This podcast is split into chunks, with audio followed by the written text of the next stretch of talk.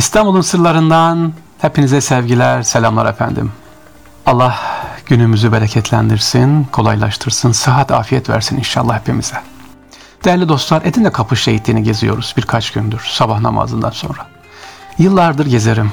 Beni tanıyanlar bilir 76'dan beri gezerim 10 yaşımdan beri ama görmediğim mezarlar var. O kadar çok var ki bilgili alacağımız farklı. Edirne Kapı Şehitliği'nde özellikle 15 Temmuz şehitlerini gezerken bir mezar taşı dikkatimi çekti. Allah Allah. Mezar taşının üzerindeki yazılar Çince yazılmış. Çince. Hem de 15 Temmuz şehidin karşısında. Yıllardır geçerim ama görmemişiz. Yanına gittim baktım Çince yazıyor evet. Kim? Kim olduğunu öğrenince şaşıracaksınız efendim. Kim bu? 1950'li yıllarda Formosalı Celalettin Wang Sin Shan adlı Müslüman Çin dilleri profesörü.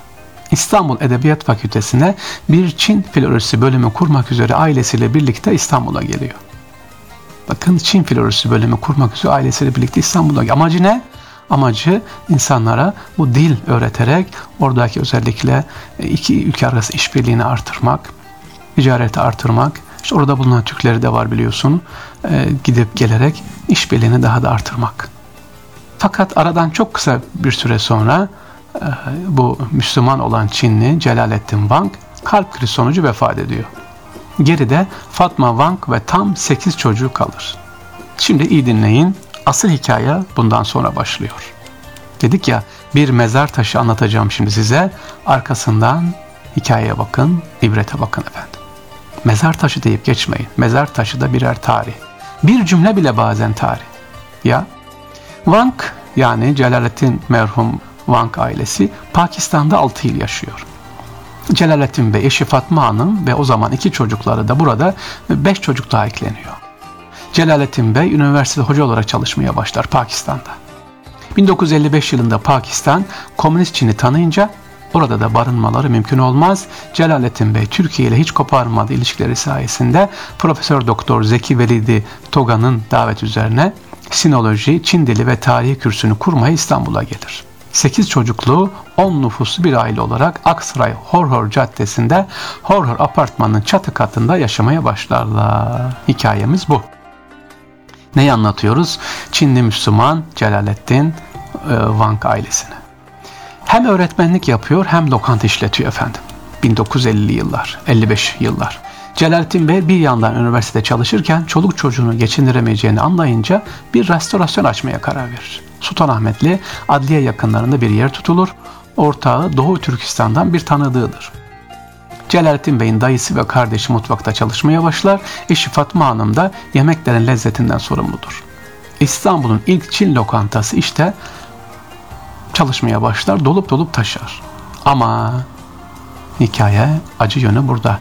Aile ilk kazı lokantanın ortağından yer.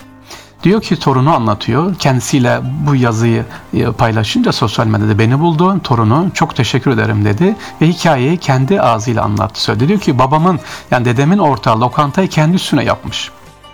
Babama da senin bir üniversite hocası olarak lokantacılık yapman uygun düşmez demiş. Babam da bu işe kötü niyet aramamış ve işleri iyi gidince ortağı tarafından kapı dışına konmuş. Dayım, amcam ve annem de işi bırakınca lokanta kısa sürede kapanmış. Yani iyi niyetinin kurbanı olmuş. Kim? Celalettin Hoca. Yeni bir lokanta için aranan bir yer Taksim'de bulunuyor ama 10 Ekim 1950 tarihinde lokanta açılıyor fakat ne yapıyor? 1961 yılında da Celalettin hocamız vefat ediyor. Bu yaptırdığı yer neresi? Özdemir Asaf'ın eviymiş efendim lokantası yapılıyor kendisi. Şimdi niye anlattım ben bunu? Güvenme, işte itimat bunlar önemli tabii. Müslüman birbirine güvenecek. Bakın Çin'den kalkıp geliyor, Pakistan'a gidiyor, Pakistan'dan Türkiye'ye geliyor. Amacına bir şeyler öğretmek. 10 çocuğunu da, 10 tane çocuğunu da yetiştirmek için çalışma yapıyor kendisi. Ama sevgili dostlar, sevgili dostlar, karşı taraftaki kişi ne yapıyor? Buna tabii art niyeti suistimal ediyor. İşte bize mesaj alacağımız. Buraya nereden geldik? Niye anlattık? Benim Edirne Kapı şeridinde gördüğüm bir mezar taşının yazısından. Niye Çince dedik? İyi güzel sevgili dostlar. Ben bunu yazdım. Sosyal medyada yayınladım. Aa bir yorum. Sevgili hocam Teşekkür ederim. Niye? Benim dedemi günümüze taşıdığınız için. Şu anda arkadaşlar bu Celalettin Hoca'nın merhum 22 çocuğa imza atmış ikinci kuşan fanklar diye giriyor. 22 çocuk şu anda efendim e, değişik Türk dünyanın değişik yerlerine dağılmışlar. Türkiye'de, İtalya'da, Fransa ve İngiltere'de bu Vank ailesi var. Türkçe de biliyorlar. Türkiye'den gitme. Neyi anlatıyoruz? Dedik ya Bakiyetü Saliha bir mesaj, bir yazı sizi alıp nerelere nerelere götürür. Yolunuz düşerse mezar taşlarına bakın, ilginç mezar taşlarına neler göreceksiniz efendim. Yeter ki biz sevgili dostlar bakmasını değil görmesini bilelim.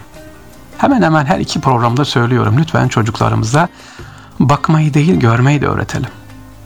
Mezar ziyaretleri yapıyorsunuz, gidiyorsunuz. İyi hocam da şimdi hemen bana şunu diyeceksiniz haklı olarak tabii haklı olarak Osmanlıca bilmiyoruz ki. Artık kolay. Şöyle fotoğrafını çekin bakalım ne yazacak, neler çıkacak. Bilene sorarız çok merak ettiklerimizi ya da bize gönderin bakalım araştıralım.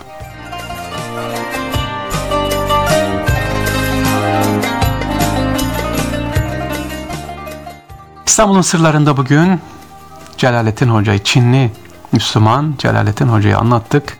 Kendisinin İstanbul'a gelip 10 çocuğuyla burada nasıl gayret ettiğini, yoğun bir şekilde çalıştığını ve günümüz 2020 yılında da nasıl biz onu radyomuza misafir ettiğimizi, gündeme getirdiğimizi. Allah rahmet etsin. Şu anda onun torunlarından bizi dinliyor olursa efendim kulakları çınlasın, işleri rast gelsin. Allah emanet olunuz. İstanbul'un sırlarından hepinize sevgiler, saygılar.